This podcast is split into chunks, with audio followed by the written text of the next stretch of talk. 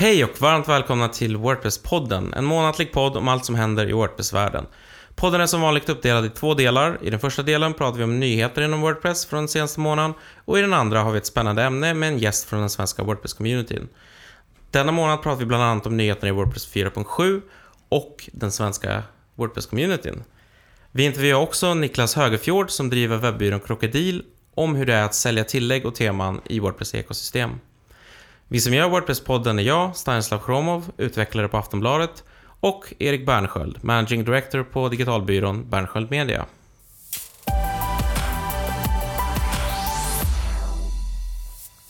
Den här månaden har vi ett antal spännande nyheter.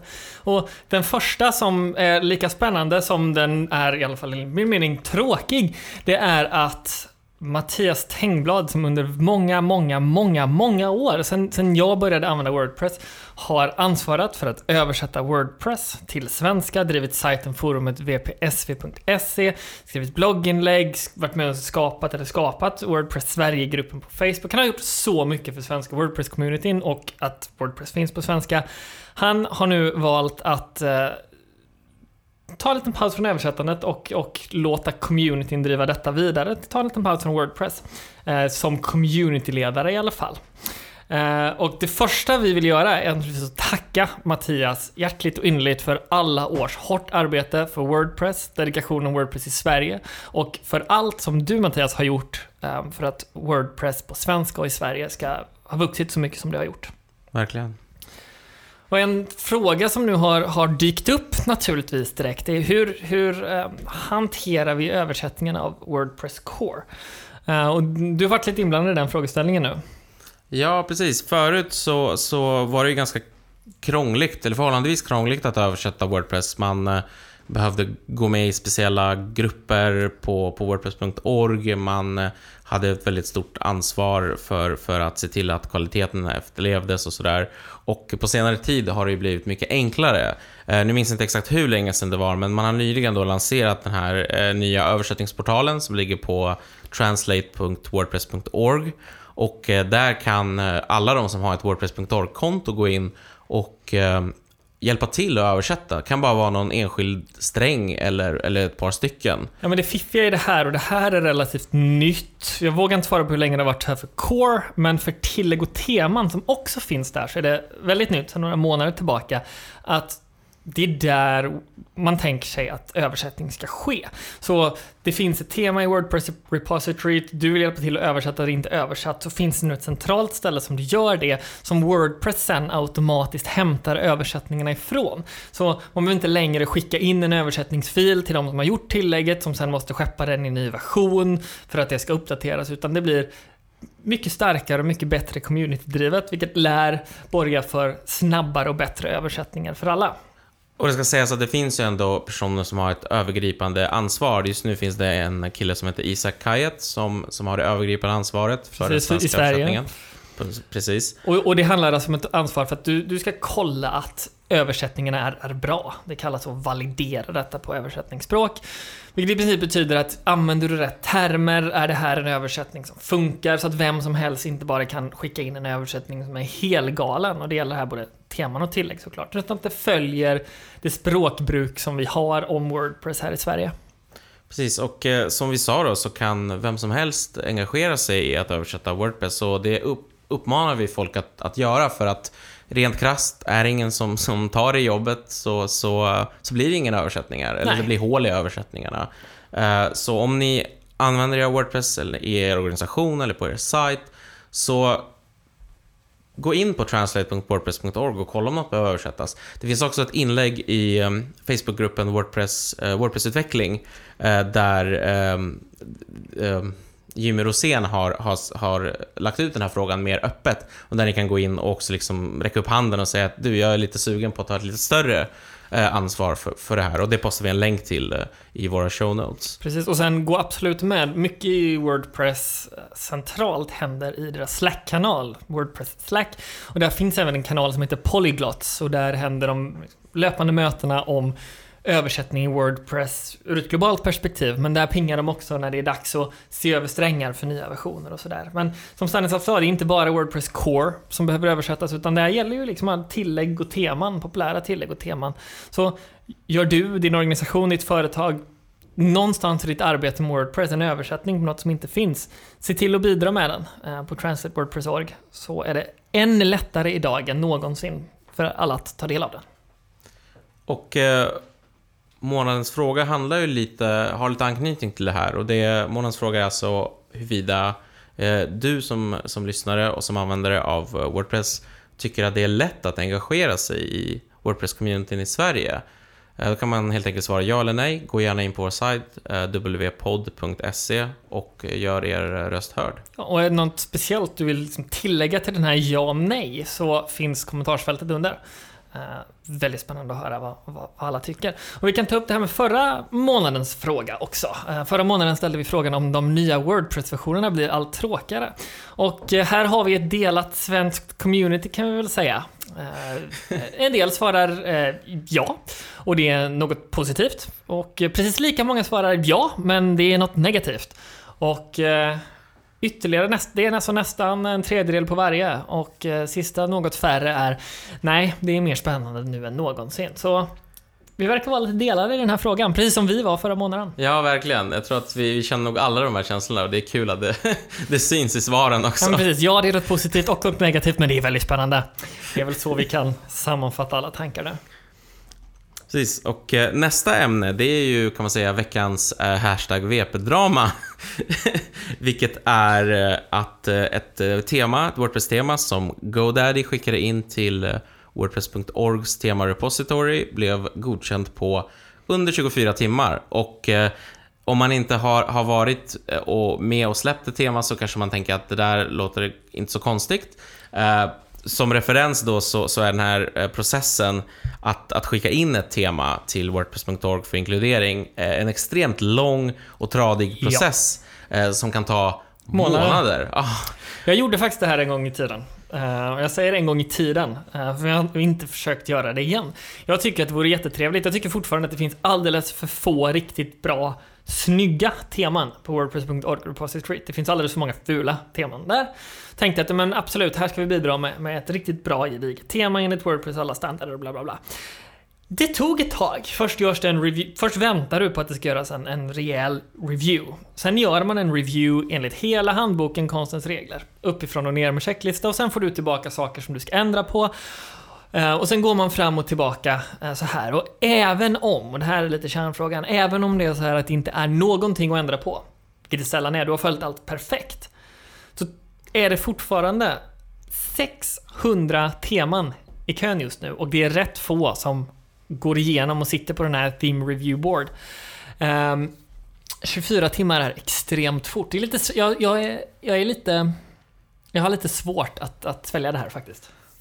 Ja, precis. Det var någon som, som det kom ju då som en artikel på, på wpin.me och eh, där var det några, några soundbites från folk som eh, berättade att de, ja, de tycker det är tråkigt att, eh, liksom att de upplever att här sitter vi flera månader kanske och väntar på att få ett tema godkänt. Så kommer en stor aktör som GoDaddy in, liksom lite, lite bakvägen och eh, får in ett tema mm. bara sådär genom kontakter eller ja, lite oklart vad exakt som, som hände i detta fall. Ja, alltså i någon, någonstans kan jag ju tycka att det är trevligt för communityt att vi på ett snabbt sätt får in ett vad som verkar vara ett rätt snyggt och, och, och okej tema i repositoryt. Eh, samtidigt som mycket i Wordpress är byggt på att vi ska skapa någon slags någon slags rättvisa som visserligen inte existerar i denna värld, men, men ändå. Um, jag är kluven. Delvis det som gör mig lite extra kanske irriterad på det här. Det är Bakom kulisserna så har det ju förts lite diskussioner om, ah, men ska vi lägga med en, en länk tillbaka till um, GoDaddy? Så det är någon på GoDaddy som har uh, uttryckt sig som att uh, det kan då förstärka deras varumärke. Så på GitHub så fan, fanns det en tråd ja. det är klart det gör. Uh, nu är det så att sådana här länkar är inte tillåtna. Så att eh, sen var det någon annan där som svarade att ja, men vi kan vänta med detta tills vi har fått det godkänt. Och den här lite dubbla mentaliteten, den har jag väldigt svårt för. Ja, för så, så är det ju faktiskt idag. Det är lite av en, eh, man kan säga, lifehack är fel ord, men det är ett sätt som man kan eh, göra det hela på. Att man skickar in ett tema eller ett tillägg som följer alla konstens regler. Eh, det går igenom en, en recensionsprocess eller, som kan ta ganska lång tid. Men sen när man väl har kommit igenom så, så har man i princip direkt eh, möjlighet att, att ändra koden lite hur som helst och eh, utan att någon ser över det. Och det betyder att bland annat då att tillägg kan plötsligt få eh, olika typer av donationslänkar och saker som dyker upp på frontenden fast det är förbjudet och det fångas liksom inte. Nej, först om, någon, först om någon klagar, och det kommer vi till en lite senare nyhet här idag, eh, så kan det här uppdagas. Men det sker alltså ingen återkoll på varje gång du skickar en uppdatering. Och tur är väl det med tanke på hur mycket jobb och hur lång tid det kan ta. Men eh, ja, jag tycker i alla fall att GoDaddy, eh, som var i lite blåsväder även förra månadens avsnitt här, eh, ska, ska ändå ta och kanske ta och skärpa sig lite i vad man faktiskt diskuterar och vill göra här. Det är jättebra att man vill ha in ett, ett tema eh, som är snyggt och bra och trevligt gjort. Eh, och hade det varit det genuint, då hade jag väl varit beredd att köpa att den fick en fast track in. Eh, men nu är det en hel del annat bakom kulisserna som gör mig faktiskt irriterad. Men det ska vi släppa fort och eh, prata om Wordpress 4.7 istället. För att eh, det är dags att jubla som utvecklare i alla fall och eh, det är för att REST-API, så kallade endpoints, nu är godkända för att hamna med Core Committed i Wordpress 4.7 som kommer i december. Woo! Yippee! För er som inte riktigt vet vad det här REST API är, vi har pratat om det tidigare. Feature as a plugin-metoden, som uppenbarligen nu funkar rätt bra. Um, det gör det enklare för dig att bygga en webbapplikation på Wordpress i och med att det här API kan hämta och skicka in data till din Wordpress-installation eh, utan att man i sig behöver leva inom Wordpress-installationen. Man kan prata med andra system enklare. Det gör att man kan bygga flashiga sajter med eh, nya coola ramverk som React eh, Angular, Vue och, Absolut. och liknande. Man kan bygga appar, man kan integrera system på ett sätt som man inte har kunnat göra tidigare. Eh, lika smidigt i alla fall. Och det här kommer alltså från och med förhoppningsvis mitten av december att eh, gå och slå på på alla Wordpress-installationer som kör 4.7. Det här är en riktigt stor milstolpe, inte bara för REST API i sig, för Wordpress i sig, men även för det här Features och Plugin-tänket. Som vi pratade om förra månaden. Precis, precis. Eh, och just det här Wordpress som applikationsplattform, det har man ju pratat om länge och mm. REST API har varit på gång i typ, typ två år nu. Eh, och det, det känns eh, magiskt att det äntligen, att det äntligen kommer med. Det är man, fantastiskt. Man vet inte vad man ska säga. Vi, vi säger absolut ett grattis till REST API-teamet som faktiskt har gjort ett riktigt gediget bra jobb för att det här ska gå med på första försöket. Och eh, en av de andra stora nyheterna i Wordpress 4.7 är att vi får ett nytt tema.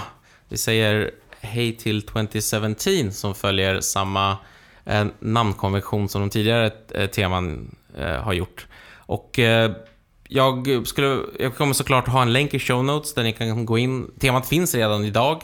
Lite, lite i betaversion då kan man väl säga. Det är inte Precis. riktigt färdigt. Men det är, det är ett snyggt, stilrent, modernt tema som jag tror det är inte så bloggigt, eh, och, utan det är mer riktat mot företag och, och organisationer. Mm, och, kanske produkter. Och jag tror att det, det, här kan ha potentialen att bli ett sånt här tema som många utgår ifrån och bygger ett, ja. ett, ett child theme från. För det är liksom, det har en snygga headers, snygga bildformat.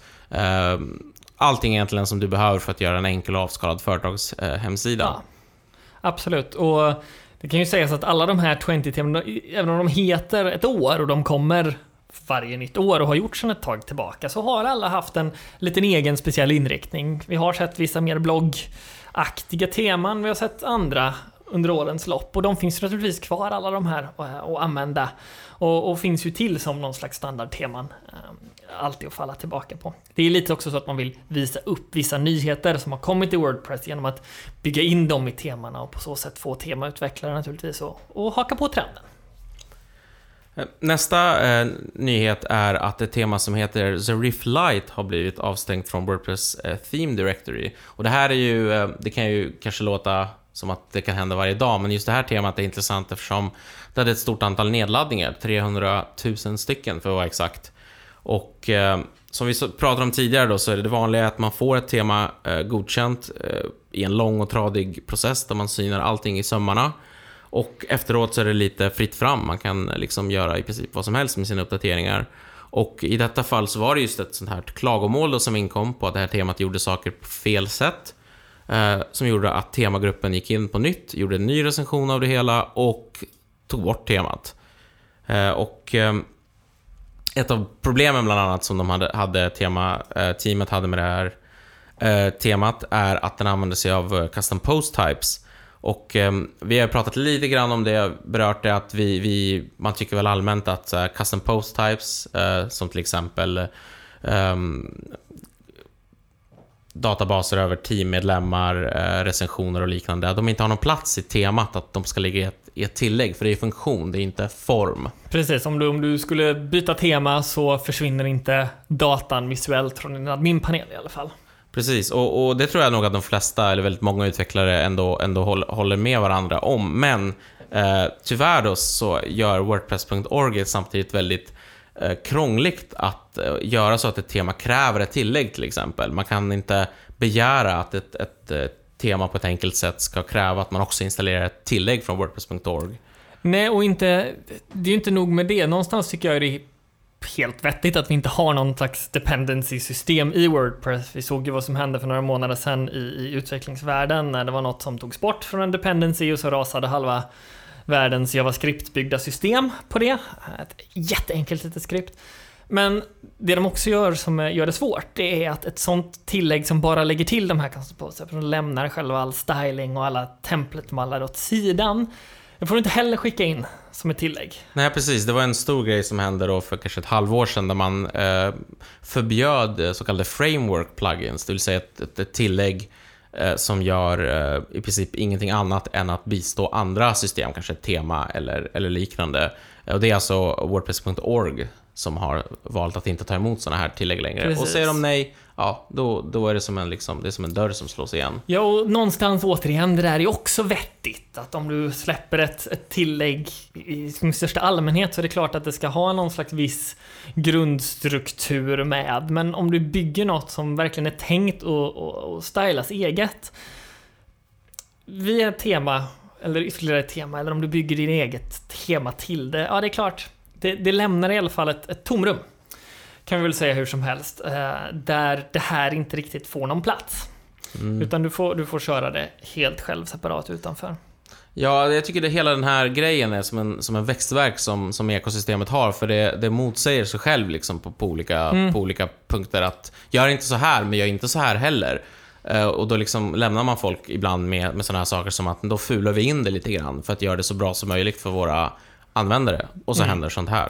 Sen kan man ju säga, jag tittar liksom nu på listan över några av de stora saker som Theme Review-teamet har lyft när det gäller den här Serial Flight. Och det är en diger lista. De, reglerna säger att du måste ha Wordpress Custom Logo-funktion och man får inte ha en standard-logo och det, gjorde de, det följde de inte. Eh, när det gäller att välja framsidan så finns det en funktion i Wordpress. Man går in under inställningar och läser och så kan man välja sin, sin eh, första sida och det här gör de inte heller. Eh, rätt i alla fall. Eh, demoinnehåll får inte följa med, men jo då, det hade de med. Kontaktformulär får inte finnas, det hade de med, för det är också det är naturligtvis något som är till för tillägg. Eh, länkar där de inte ska vara nedlåsta. Eh, saker där du inte kan göra ändringen, det var, får man inte göra, det hade de med. Och listan är längre, det här är hälften av listan som jag läser upp och de inkluderar widgets och gör saker som jag tycker är, är rent standard. Det är, hygienfaktorer och jag tycker å ena sidan bryter du mot så här många saker, skit i vilka alternativ du tycker du har. Då får du vara beredd på att det här händer. För du gör det så pass medvetet med så pass många stora saker som inte är till användarens fördel. Det, det är svårt att säga mycket annat tycker jag. Mm. Sen eh, är ju den stora, liksom, vad händer nu? Det är 300 pers som inte får uppdateringar på sitt tema. 300 000 pers, ja. 300 000 pers. Det är olyckligt. ja.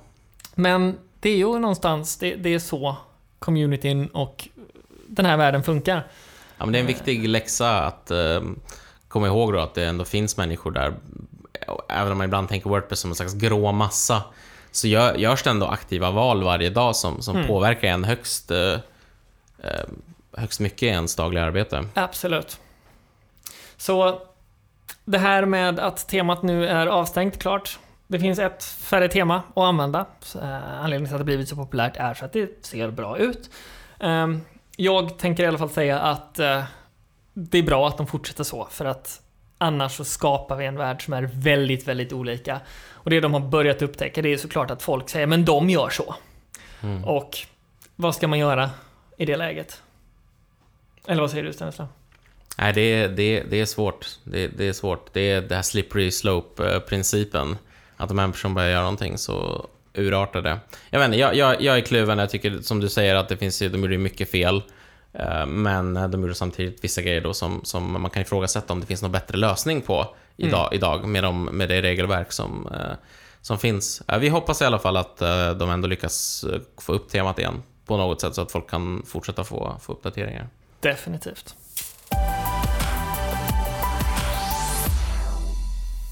Den här månaden ska vi prata om hur det går till när man säljer en produkt i Wordpress ekosystem. Och med oss som gäst har vi Niklas Högfjord från webbyrån Krokodil. Välkommen Niklas!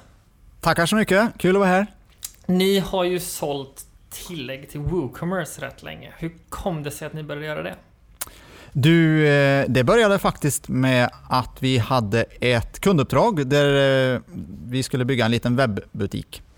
Eh, och det var faktiskt inte med WooCommerce utan det var ett tidigare system som heter Gigoshop. Finns fortfarande kvar men som eh, WooCommerce är sprunget ur så att säga.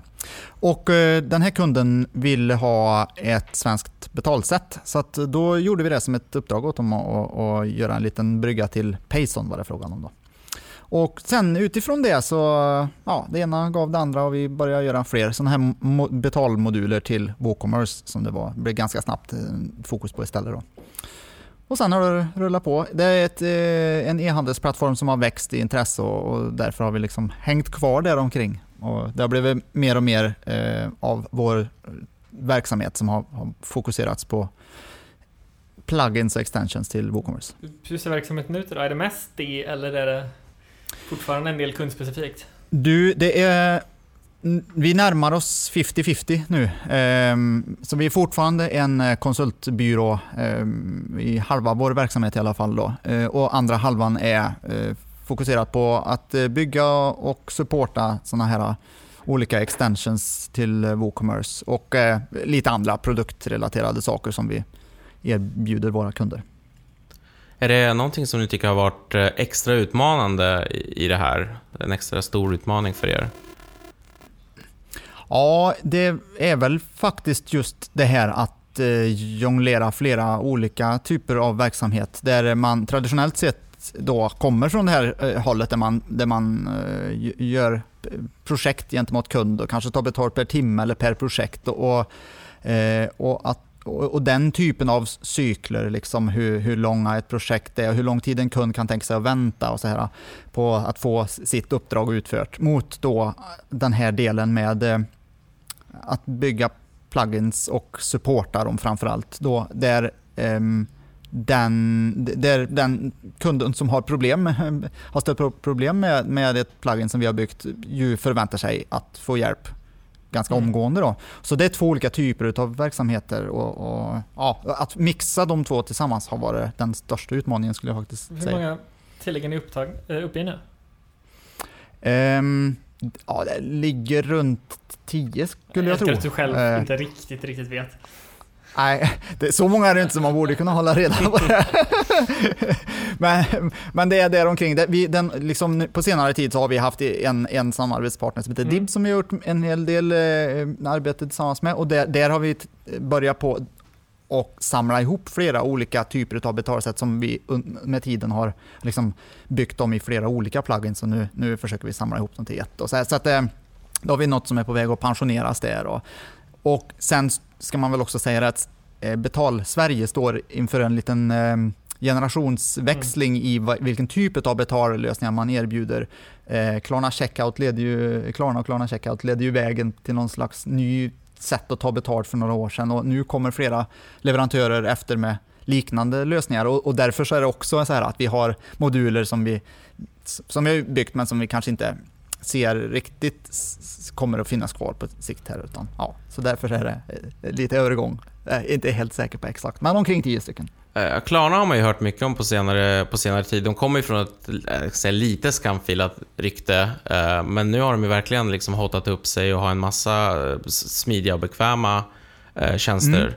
Mm. Har ni sett någon annan uppstickare inom det här området som, som ni känner är någonting någon som är på G liksom?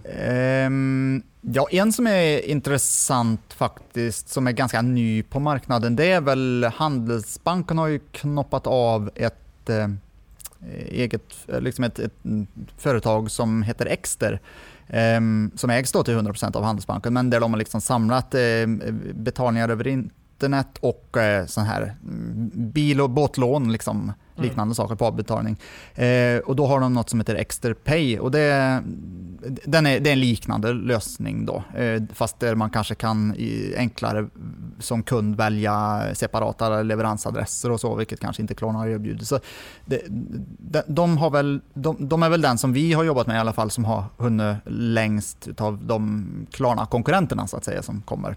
Sen kommer flera av de traditionella med, med också med sådana här kassor på, som de jobbar hårt på för tillfället. Mm. Payson ska vi säga också, som är en, ofta, ofta en sån här äh, intro Eh, alltså som den nystartade e-handlaren mm, eh, kommer igång med. De, de, har också en sån här kassa som, kanske, eh, som, som till viss del liknar Klarna Checkout. Men Extra är väl den som har lyckats bäst med ett alternativ till Klarna hittills. Mm.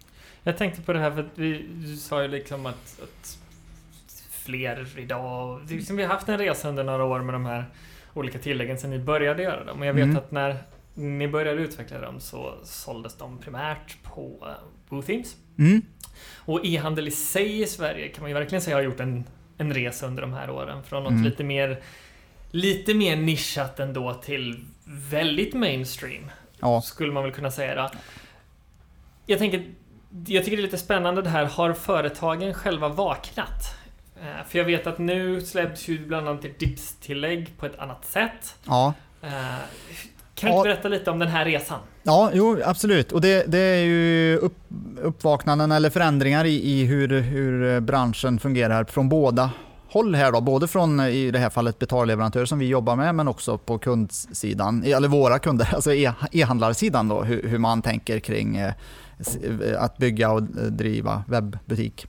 Eh, och på, på, från, från sidan med betalleverantörerna och de som vi, så vi startade ju, vi, vi var ju liksom tidiga eh, när, när vi byggde den första modulen hösten 2011 då var e-handel med Wordpress, det var liksom inte så mycket med det då. Det fanns ett par plugins där man kunde liksom bygga en enkel webbutik, men ofta så var det tekniska problem, det fanns buggar och det här. Det här. Så när WooCommerce kom så var det ju ett välkommet liksom, ett nytt alternativ att driva e-handel med Wordpress.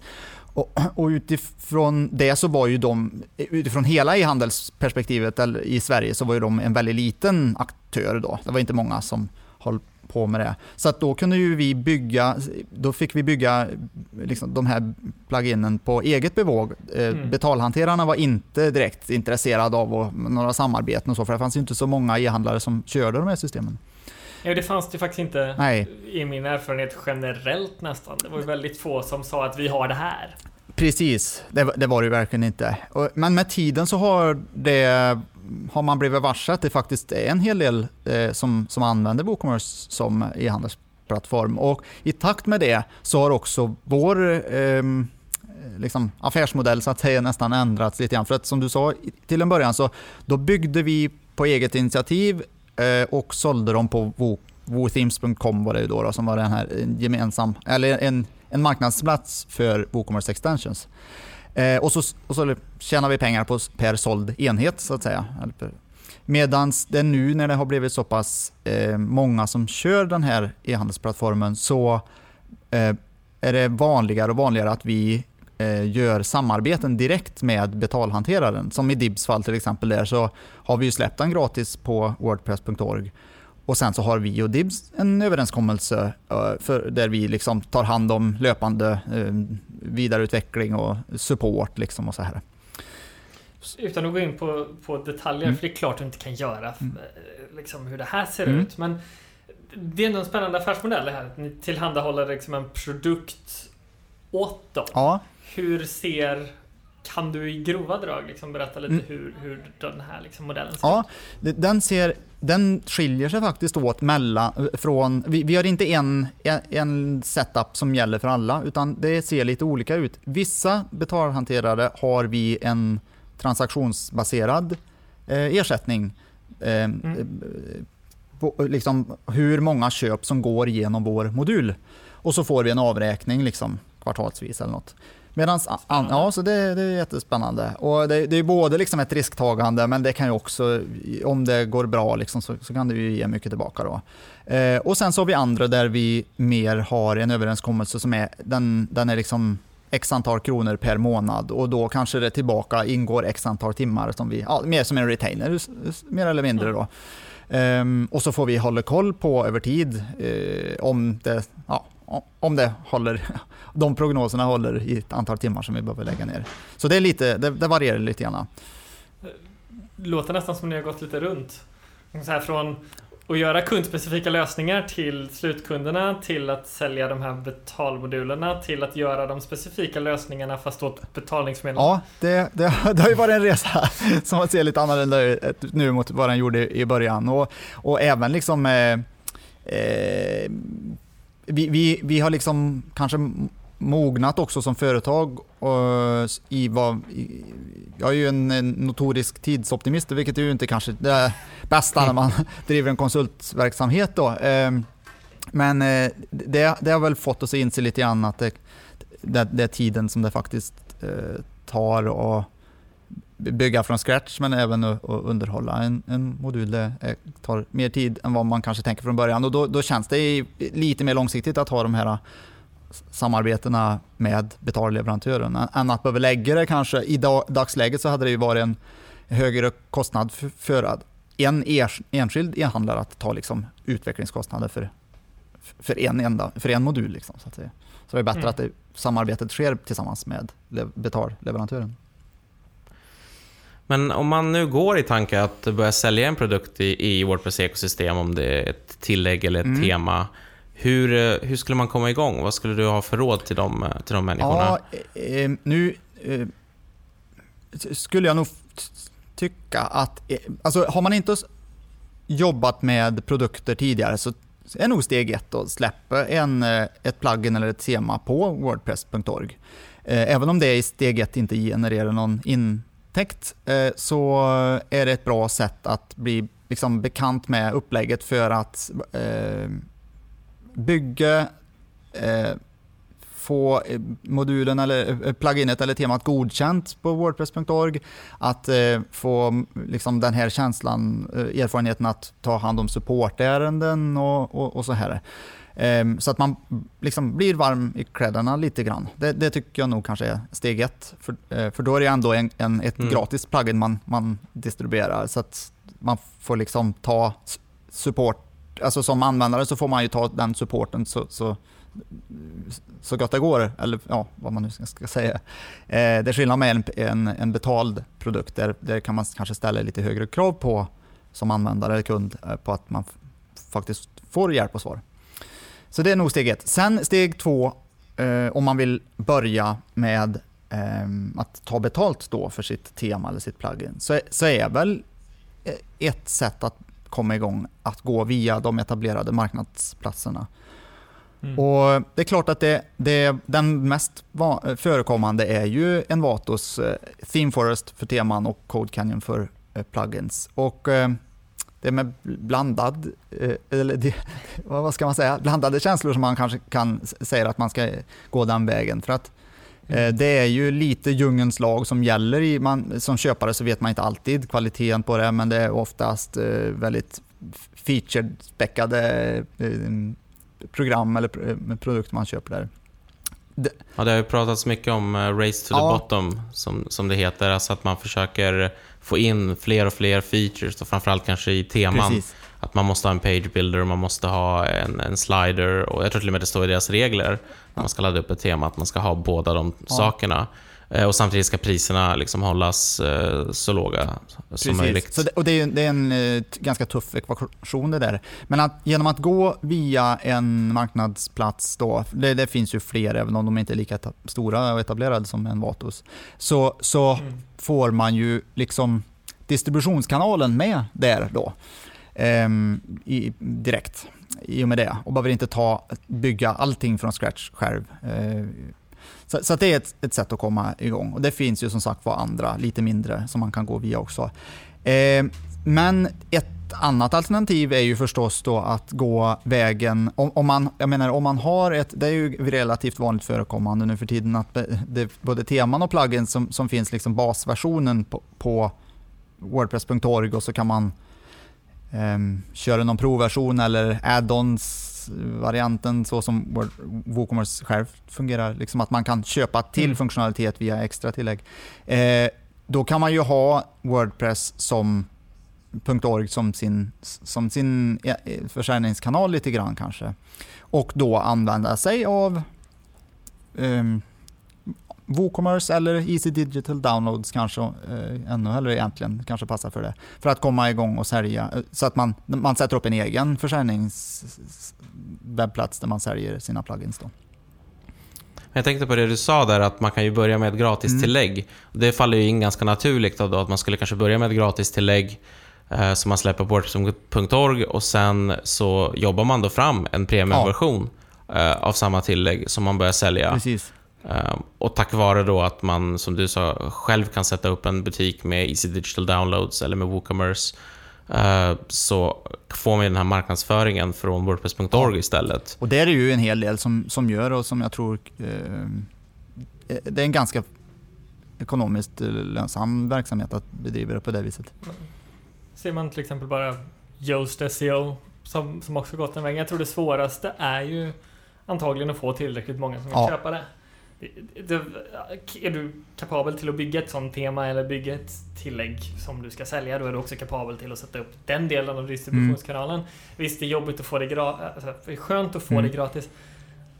Sen är det ju marknadsföringen och faktiskt få folk Ja. dit. Det är klart, man får en del i Teamforest, men jag håller nog med som du säger att ha den här gratisbasen som folk enkelt kan prova Ja, och sen liksom bygga vidare på den succén eh, som det förhoppningsvis Ja. kommer att bli. precis. Precis. För en sak man kan tänka på är att de här marknadsplatserna eh, som finns, de är ju inte gratis. Jag vet inte exakt, det kanske du vet Niklas, exakt vad, vad liksom en, en deal brukar ligga på, men man brukar få ge bort en stor klump av det totala, den totala kostnaden för Ja, produkten. det, precis, det är, det är ganska stor del. att Och det ligga där. varierar mellan eh, marknadsplatserna. Då. Och, och det varierar också vad som ingår i de, den procent man får ge bort. Men, men för WooCommerce vet jag inte, det kanske rättar saker som man inte får sprida vidare.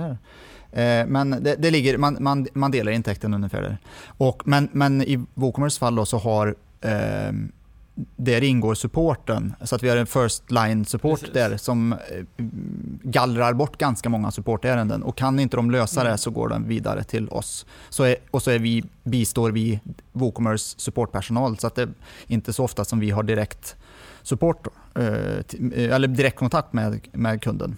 Inte där i alla fall, Det vänder de sig direkt till oss ändå. Men, men Ja, men jag, jag- var inne på Code Canyon och kollade där, det var ett antal månader sedan. De är ju lite ganska transparenta med hur mycket de tar, men där började det någonstans runt, runt 55% då, av intäkterna som, eh, som de tar och sen går det stegvis eh, ner. Men det ska ju till, man ska ju sälja väldigt många teman och tillägg innan man börjar nå de lägre nivåerna av, eh, Och av det man- ersättning. Jag tror de allra flesta betalar nog runt 50-55%. Precis. Och det man ska ha eh, tänka på också då om man säljer via en marknadsplats är ju faktiskt att man har inte kunden. Eh, kunden din kund är egentligen marknadsplatsen. Du kan inte kontakta Precis. dina kunder direkt som använder pluginet och det är ju egentligen en ganska Och de stor vet nackdel. kanske inte heller Nej, vem du är. precis. Så att, eh, ja. Vi, vi kan ju inte prata om det här med liksom, sälja saker i Wordpress utan att i alla fall prata lite kort om det här med licenser och eh, GPL. Mm. Eh, GP, Wordpress är ju GPL och väldigt, väldigt kort sammanfattat. Det är egentligen ett långt ämne för en egen dag. öppen källkodslicens. Du kan i princip göra vad du vill med den koden. Det är faktiskt lite så WooCommerce kom till i första början. Eh, vilket innebär att jag skulle kunna ta och köpa ett av era tillägg. Jag skulle kunna ta den koden och Mm. sälja den vidare. Så är det. Eh, och det här kan man tycka mycket om. Det här får vi tycka mycket om i ett, ett helt eget avsnitt med ett antal gäster. Men det är ändå intressant så här. Vad tänker du spontant? Ehm, att man måste fokusera som producent av eh, plugins då, eller teman, att man, man ehm, det är mer än koden som jag säljer. Det är Mm. tillgången till eh, smidiga uppdateringar, det är tillgången till support. Det är, alltså, man måste positionera sig på, på, mm, med, mm, utöver själva produkten som sådan. Och det, är enda sättet man har att göra. Att, att framstå som den mest attraktiva eh, alternativet. Även fast det finns kanske andra gratis då, eller eh, billigare någon annanstans. Det är väl det fr- fr- främsta delen. Sen kan det ju förstås vara tillfällen när man är lite bitter, eh, kan bli lite bitter över det här. För det har ju hänt att det s- säljs och sprids på andra eh, ställen. Ehm, och folk använder ens kod då. Men ja, det är inte så mycket man kan göra just där. Man, man, I vissa fall så kan man ju liksom be att få credit i alla fall för det arbete man har gjort så att det står med någonstans.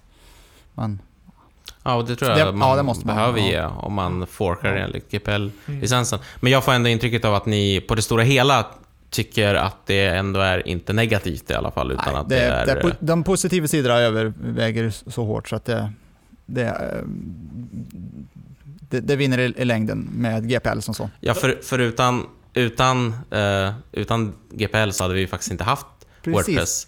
För Wordpress i sig är ju ett, en, en fork av ett annat CMS. Och samma med WooCommerce i sig, precis, som ju också är en, en fork. Alltså man kan väl säga att det finns ju en moralisk kompass som Ja. de flesta har. Att, att sälja vidare en annan sak, nej, det känns lite olustigt. Vissa verkar sakna den helt och gå på det juridiska. Men det känns inte som vi i alla fall är där idag i världen att det här är ett gigantiskt Nej, problem. Precis, tror inte det. Och eh, du Niklas, du ska ju prata på WordCamp Stockholm den eh, 22 november och då ska du prata bland annat lite om open source. Vill du, vill du dela med dig lite av eh, vad det är du kommer prata om? Och det är väl kanske egentligen den, inte den här ehm, delen som vi pratar om just nu, det här med att, eh, vad- folk gör med koden som så, utan där är tanken eh, att då hur det fungerar att ge support i en open värld där eh, man, vi träffar på väldigt många som bygger sina egna webbplatser och webbutiker själva, som kanske inte alltid har, är utvecklare, där man installerar många olika eh, plugins och där vi då kommer in eh, och blir kontaktade för att sakerna, våra, delar, våra saker inte fungerar. Där det väldigt många gånger handlar om Eh, konflikter med andra plugins eller att det är orsakat av andra eh, plugins. Så att det, det, vi, behöver... Mycket av vårt arbete går åt att bevisa att det inte är fel på våra grejer. Utan det, det är kombinationen av, av eh, plugins som man har installerat som gör att det kanske upp, dyker upp lite problem. Eh, så att det pratet kommer att handla lite grann om, om det och då vad man som eh, eh, webbplatsägare eller webbutiksägare kan göra för att undvika problem och vad kanske vi som utvecklare av plugins kan göra för att förbättra så att man inte bara bygger och att det räcker att ja, så här långt eh, sträcker sig det för att Mm. mitt plugin som jag distribuerar fungerar utan man kanske behöver tänka ett och två steg längre. Vilka problem kan uppstå och kan jag, kan jag Mm. meddela eh, liksom webb, webbplatsinnehavaren om att det här ser lite speciellt ut i inställningarna. Du borde ta en närmare titt på det. Det tycker jag låter spännande. Det vill jag lyssna på. Om det nu inte är så att jag ska prata samtidigt. Vi får kolla det. Annars får jag lyssna på det sen.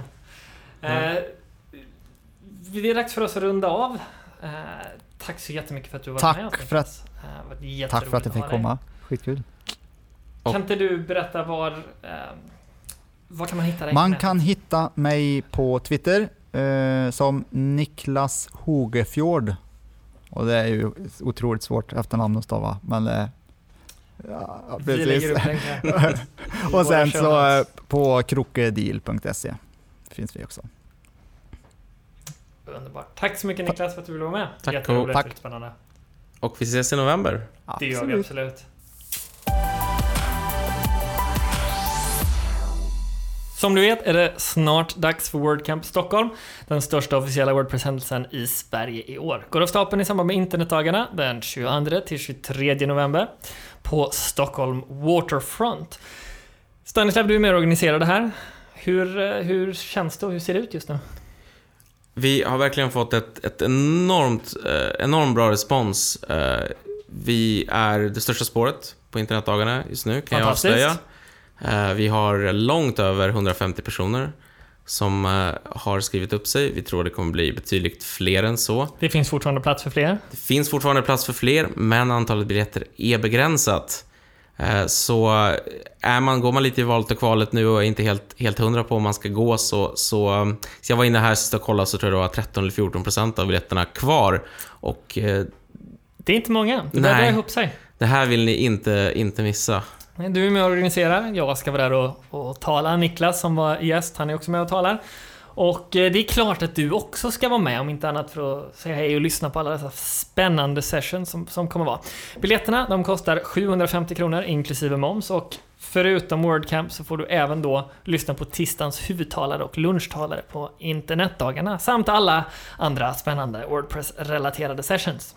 Biljetterna de hittar du på länken 2016.stockholm.wordcamp.org eller helt enkelt genom att gå till våra show notes och klicka på länken där. Som Stanislav sa, begränsat antal biljetter kvar. Du vill inte missa det här. Det var allt för denna månadens avsnitt av Wordpress-podden. Stanislav, berätta mer var folk kan hitta dig.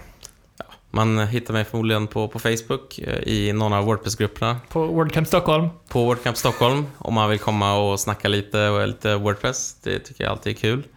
Eh, ja, Ja, och mig hittar ni på nätet. Googla mitt namn, Erik Bernsköld.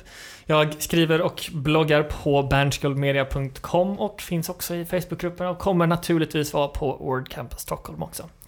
Tack för att du lyssnat på månadens avsnitt av Wordpress-podden. Som vanligt hittar du alla viktiga länkar på vår webbplats vpodd.se, wpodd.se. Och glöm inte att gå in och gilla oss på Facebook också. Vi är tillbaka igen nästa månad. Till dess, ha det bra.